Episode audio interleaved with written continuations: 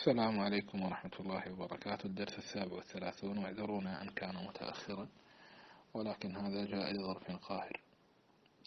اليوم سنتكلم عن شخصيتين مهمتين أيضا في تكوين الإمام البخاري الفقهي وفي تكوين العمل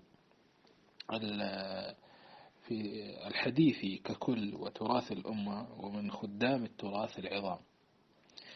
وهما إسحاق بن راهوية والدارمي أبو محمد صاحب المسند. إسحاق بن راهوية إسحاق بن إبراهيم بن مخلد بن إبراهيم بن مطر الحنظري أبو يعقوب المروزي المعروف بن راهوية نزيل نيسابور. هذا الرجل كان له مذهب فقهي وهذا المذهب محفوظ بالكامل. في مسائل الكوسج عنه وعن, وعن أحمد وفيها استدلالات رائعة وأحيانا يكتفي بالتوقيع على فتوى أحمد بقوله وهو كما قال وفي أحيان كثيرة لا يتوسع ويبدأ يستدل. وأيضا محفوظ في جامع الترمذي وفي كتاب ابن المنذر الأوسط وأيضا في كتب عبد البر. وهو أوسع حفظا من الشافعي ومالك وأبي حنيفة وغيرهم بكثير. لأنه كان على مستوى الإمام أحمد بالحفظ والاطلاع العجيب العظيم حتى لا يكاد يند عنه شيء. و والحمد لله هذه الأيام تم إحياء بعض الاختيارات الفقهية له. فله مثل اختياره بأن الحاء بأن الحامل والمرضع يعني تطعمان ولا تقضيان وإن كنا نرجح خلافه إلا أن هذا الاختيار اشتهر له وهو قول ابن عمر بن عباس. إسحاق بن راهوية صار تابعي من من آخذين عن أتباع التابعين بتتلمذه على أبي نعيم الفضل بن دكين الذي هو من أتباع التابعين وبتتلمذه على عبد الله بن المبارك وإن كان لا يروي عن ابن المبارك لأنه سمع من المبارك صغيرا وهذا من دقته وأمانته. وله مسند كبير هذا المسند بقيت زوائده. التي ذكرها ابن حجر في كتابه المطالب العالي في زوائد المسانيد الثمانية جمع زوائد ثمانية مسانيد على الكتب الستة. وكثير من هذه المسانيد مصنفوها من شيوخ البخاري. وله مسند صغير مطبوع موجود وله كتاب تفسير مفقود. الشاهد أن هذا الرجل بفقهه وبسعة حفظه كان أحد أركان علم البخاري حتى أنه هو الذي اقترح على البخاري تصنيف الصحيح فيما روي. هو الذي اقترح على البخاري وكان هو يشجع البخاري باستمرار. إسحاق بن راهويه و وطبعا له المناظرات الشهيرة مع أهل الرأي وله مناظرات شهيرة مع الإمام الشافعي و وكان جزء من عملية النضج الفقهي التي حدثناكم عنها مرارا. الآن تصور معي. الله يبارك فيك. يعني أبو بكر بن أبي شيبة ومصنفه وفقهه الحميدي ومسنده وفقهه أحمد ومسنده ومسائله وفقهه وكتبه وعلي بن المديني وعلمه بالعلل وكتبه ويحيى بن معين وعلمه كله في متناول يد البخاري مع سعيد بن منصور وغيرهم من الفقهاء غير الأئمة اللي حكينا لكم عنهم في الطبقة التي قبلهم والتي قبل التي قبلهم. حتى أن هؤلاء الأئمة لماذا لم يجمع أحد منهم بالصحيح؟ هم لأن الصحيح كان مشهور بين العلماء فكانوا يهتمون بأن ينقحوا يبينوا الضعيف. فرأى البخاري أن أخفر طريق أن نجمع الصحيح ونضعه في مكان واحد اللي هو أصح الصحيح. اللي جمع البخاري ليس الصحيح فقط بل هو أصح الصحيح. طيب ف فإسحاق بن راهوية شخصية هامة جدا ولا ولا ينبغي أن تغفل عنها الأذهان والآن سنقرأ لكم يعني شيء مما قيل في هذا الرجل وبعض المعلومات الهامة عنه. يقول إسحاق وقال كتب عني يحيى بن آدم ألفي حديث ويحيى بن آدم من شيوخه ويقول وهب بن جرير جزى الله إسحاق بن راهوية وصدقه ويعمر على الإسلام خيرا أحيوا السنة بأرض المشرق اللي هي أرض الأعاجم هذه. ويقول نعيم بن حماد ونعيم بن حماد هذا الإمام الشهيد الذي مات في سجون الجهمية مات صبرا. إذا رأيت العراقي يتكلم في أحمد بن حنبل فاتهمه في دينه وإذا رأيت الخرساني يتكلم في إسحاق بن راهوية فاتهمه في دينه وإذا رأيت البصري يتكلم في وهب بن جرير فاتهمه في دينه. وهؤلاء كلهم شيوخ للبخاري. يقول الدارمي وهو حنظلي عربي ولكن عاش في تلك البلاد. ساد إسحاق بن راهوية أهل المشرق والمغرب بصدقه. إيه. وقال أحمد بن حنبل وهو نظيره ومنافسه الفقهي لا أعلم ولا أعرف لإسحاق بالعراق نظيرا. وقال محمد بن يحيى الذهلي الذي هو يعني أحد شيوخ البخاري والتي حصل والذي حصل بينه وبين البخاري مشكلة مشهورة. وافقت إسحاق بن إبراهيم اللي هو بن صاحبنا سنة 99 ببغداد. اجتمعوا في الرصافة أعلام الحديث فيهم أحمد بن حنبل وحي بن معين وغيرهما. وكان صدر المجلس لإسحاق وهو الخطيب.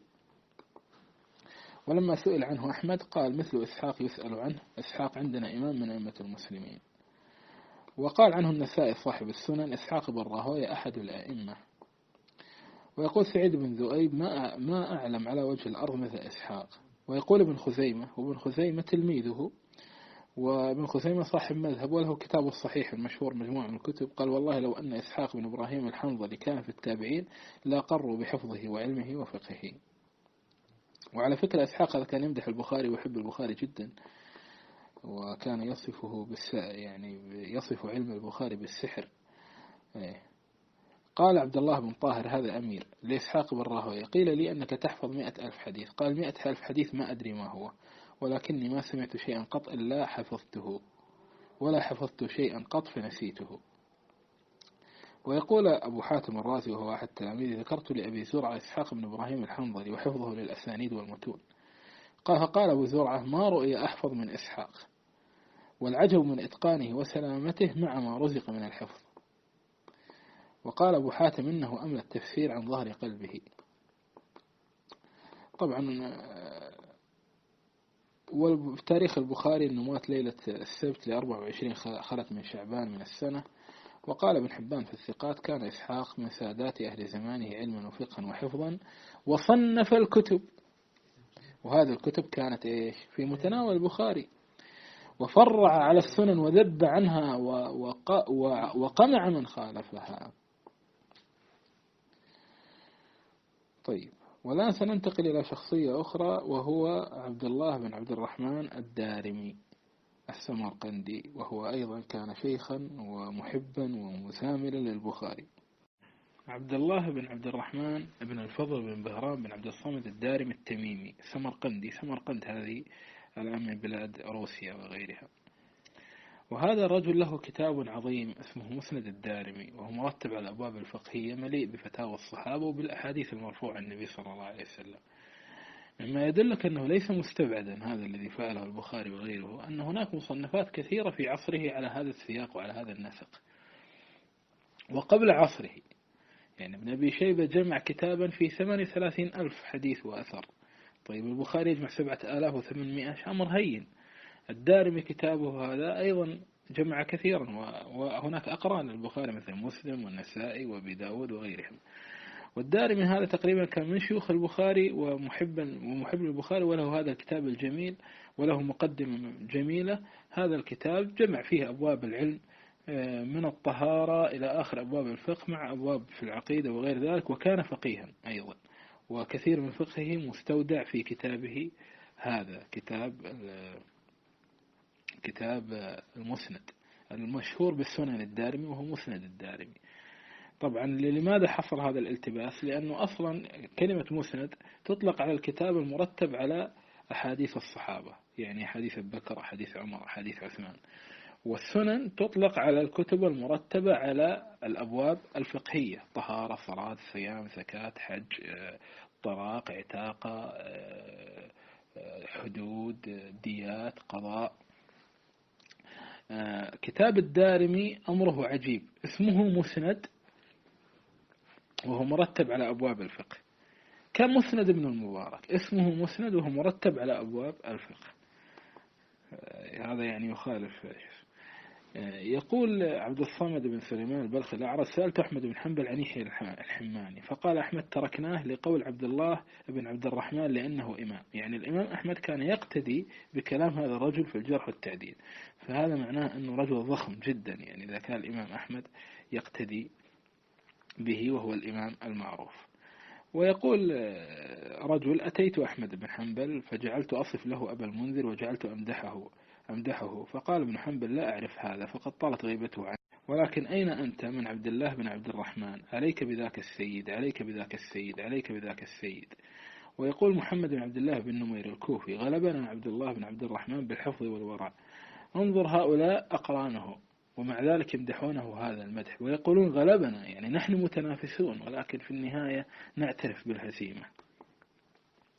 ويقول عثمان بن أبي شيبة أمر عبد الله بن عبد الرحمن أظهر من ذاك فيما يقول من البصر والحفظ وصيانة النفس عافاه الله. هذا الرجل قيل أنه ابتلي بالدنيا فصبر وابتلي بأمر ابتلي بالسراء فصبر وابتلي بالضراء فصبر لماذا؟ لأنه امتحن بالقول بخلق القرآن فصبر ثم بعد ذلك امتحن بأن يصير قاضيا فرفض. فلهذا هم يحبونه جدا. طيب. ويقول أبو حاتم الرازي آه، محمد آه،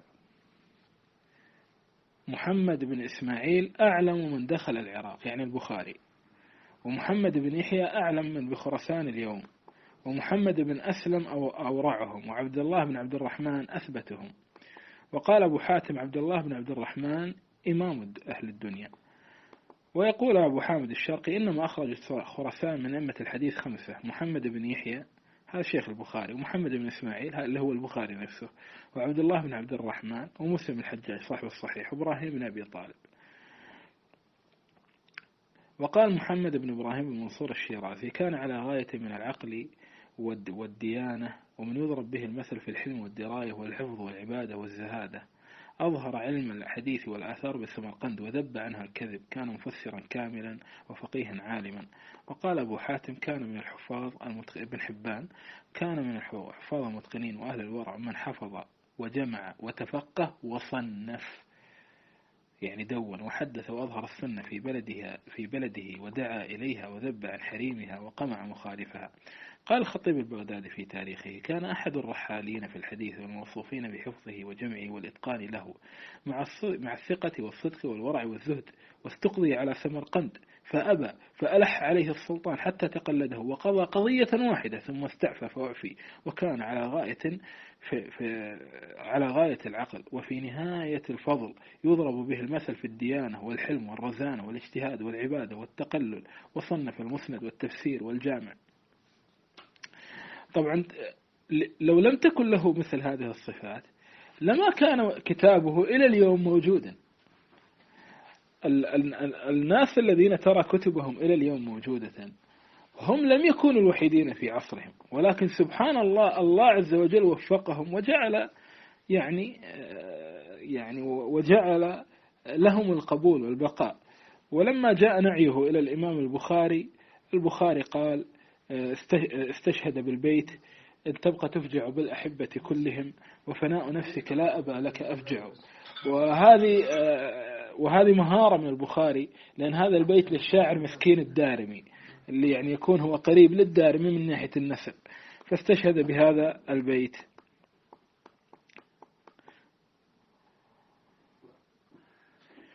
طيب هذا وصل اللهم على محمد وعلى آله وصحبه وسلم. الآن أظن أظن أن الأمر يتضح ويتبلور.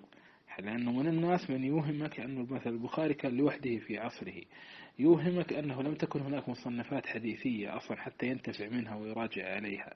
يوهمك أنه لم تكن هناك مراجعة أقران. يوهمك وهذا كله لا حقيقة له. أنت حتى لو فتحت مسند الدارمي أو مسند الحميدي أو مسند إسحاق أو مسند أحمد أو ستجد الأحاديث التي في البخاري نفسها بنفس الإسناد والمتن يروونها شاركوه في شيوخه أو في شيوخ شيوخه. ثم تجدهم هم أنفسهم بل تجد منهم مثل حتى مسلم وأبي داود يذكرون الأحاديث ويصحونها وأحيانا يذكرون اتفاق أهل العلم على تصحيحها هذه في طبقتهم.